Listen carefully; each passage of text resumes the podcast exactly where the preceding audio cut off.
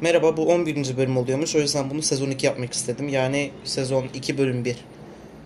Ee, bu sezonun hepsini hayatın anlamlı hale getirilmesi serisine harcayacaktım ama bunu 3. sezonda yapmaya karar verdim. O yüzden 2. sezonda yine aynı şekilde ilk sezonda olduğu gibi aklıma ne geliyorsa konuşmaya devam edeceğim. Bugün konuşacağımız konu felsefe ve edebiyat. Şimdi insanlar genel olarak şöyle bir düşünce içine girebiliyorlar. Felsefe zaten çok e, karmaşık bir konsept. Çok yani komplike anlatılar yapmaya gayret ediyoruz. Onun haricinde belirli bir takım kavramlara anlamlar yükleyerek onların ne olduğunu insanlara açıklamaya gayret ediyoruz. Ve bunları açıklamak zaten haliyle zor. Mesela işte mutluluğu açıklamak, ızdırabı açıklamak, e, tiksintiyi açıklamak, anlamı açıklamak, iyiyi kötüyü açıklamak, doğruyu yanlışı açıklamak, ahlakı verdiğimi açıklamak, etiği açıklamak. E, bunların hepsi zaten zor kavramlar.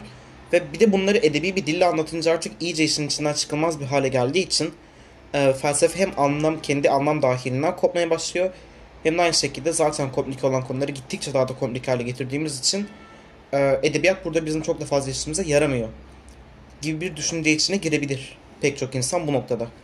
Ama ben böyle düşünmüyorum ve bu podcast zaten kısa bir podcast olacak. Temelinde neden böyle düşünmediğimi anlatacağım. Şimdi olay zaten bizim için felsefe yaparken edebiyatın neden bu kadar önemli olduğunu şu şekilde açıklamak lazım. Felsefede anlattığımız konseptlerin çok karışık olmasından kaynaklanıyor aslında burada bizim için edebiyatın önemi. Biz burada felsefede çok çok uzun kelimelerle açıklanması gereken bir takım konulara değiniyoruz öyle değil mi? Mesela işte ne bileyim e, insanın hayata karşı e, hayatın olduğu şekliyle anlamsızlığına karşı içinde yaşadığı yabancılaşma, tiksinti, iğrenme, solma, kuruma, bunalma, bulanma ya da aynı şekilde insanın iradesinin dünyanın var olan sistemi ve dünyanın var olan tasarımıyla çatışmasından doğan e, azap, gazap, işkence falan filan. Bunların hepsi zaten uzun uzun anlatılması gereken kom- kompleks konular. Şimdi eğer ki biz felsefi bir yazı ortaya koyarken ya da felsefi bir ürün ortaya koyarken bunların hepsini uzun uzun açıklarsak cümledeki kelime sayısının artacağından ötürü zaten ister istemez biz o cümleyi anlaşılabilirlikten uzaklaştırmış oluyoruz ve zaten bu da bizim çok fazla elimizden gelen bir konu değil. Muhakkak bir şekilde öyle oluyor yani gerçekten de öyle.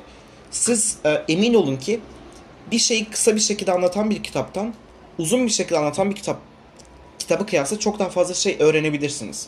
Ki aynı şekilde burada ikinci bir e, argüman da şu şekilde hani yani gelebilir. O kısa şekilde anlatan kitap size belirli kavramları nasıl yorumlayacağınızın ucunu açık bırakır. Mesela e, siz kalkıp da bin sayfalık bir felsefi deneme yazısını okurken size orada çok da fazla alan kalmaz. Çünkü her şey zaten uzun uzun, açı- uzun uzun açıklanmıştır öyle değil mi? Belirtilen herhangi bir kavramın edebi bir diyen anlamı yoktur. Ya da belirli bir örtülü anlamı yoktur. Her şey uzun uzun açıklandığı için siz yalnızca o yazarın ne anlatmak istediğini anlarsınız. Ama eğer ki biz burada edebi terimleri kullanmaya başlarsak, edebi dili retorik dil değil, edebi dili kullanmaya başlarsak ve aynı şekilde kavramları e, örtülü anlam verecek biçimde tek bir kelimeyle çok daha fazla kelimeyi açıklayacak biçimde kullanırsak bu hem yazarın işini çok daha fazla kolaylaştırmış oluyor hem anlatılanı daha etkileyici hale getirmiş oluyor. Sıkıcı bir felsefi ürün olmaktan çıkartıp edebi olarak da zevkli bir ürün olarak ortaya koymamıza vesile oluyor. Aynı zamanda da o örtülü anlamı, o örtülü anlamın nasıl açılacağını ve nasıl anlaşılacağını tamamıyla deneyimleyen kişiye bırakmış oluyoruz aslında. Tamamıyla değil. Elbette ki o kitapta anlatmamız gereken bir şey var. Anlattığımız bir takım fikirler var. Ama tamamını anlatmaktansa insanın öznerliğini kullanabileceği bir alan bırakıp o yazının insan perspektifinde, onu deneyimleyen insan perspektifinde yepyeni bir anlam kazanmasına da vesile olma şansını elde etmiş oluyoruz aslında. Mesela böyle çok fazla kavram var. İşte Ş- Schopenhauer bunu her zaman kullanır öyle değil mi? ızdırap, acı, eee, işkence. Şimdi burada Schopenhauer bu kavramları kullandığında sizin aklınıza gerçekten böyle fiziksel acı çeken bir insan mı geliyor? Böyle etinden et kopartılan e, ne bileyim böyle işte boğazı kesilen derisi yüzünden bir insan mı aklınıza geliyor? Hayır orada anlatılmak istenen şey aslında e, şu an burada Schopenhauer anlatısı yapmayacağım tabii ki ama orada işte aslında e, dünya ile olan uyuşmazlığından ötürü mental olarak acı çeken, mental olarak hüzün dolu bir insanı anlatıyor aslında e, ızdırap dediğinde bize. Ve biz bunu bu şekilde anlıyoruz. Çünkü kitabında bunu anlatıyor zaten. Bunu uzun uzun açıklasa bize hiçbir şekilde edebi bir örtülü anlam kullanmadan bu hem kelime kalabalığı yaratır hem de gerçekten de Schopenhauer'in bize anlatmak istediği gibi anlarız onu. Ama mesela Schopenhauer bize ızdırap kelimesini kullandığında ya da biz onu anlatırken ızdırap kelimesini kullandığımızda o ızdırabın içini nasıl doldurabileceğimiz bize kalmış oluyor. Tabii ki ızdırap bize belirli bir konsept veriyor. Yani biri size ızdırap dediğinde yani işte çayı çimen içinde koşan mutlu çocuklar hakkınıza gelmez. Ama o acı dolu kelimeyi nasıl doldurabileceğiniz size kalmış oluyor. Ve aynı şekilde onu kendi felsefeniz içine, kendi hayatınız dahilinde bir şekilde anlama bağlayabiliyorsunuz. Burada ise daha fazla özgürlük veriyor. Özgürlük veriyor. Bu yüzden bana kalırsa felsefede edebiyatın kullanımı elzem. Kullanmamız gerekiyor. Tabii kullanmayabiliriz. Kullanmayan çok fazla da aynı şekilde filozof düşünür var. Ama bana kalırsa şeyin düşmanlığını yapmak çok aptalca. Ee, hayır felsefe ve edebiyat çok çok uç kutuplarda bulunmalıdır.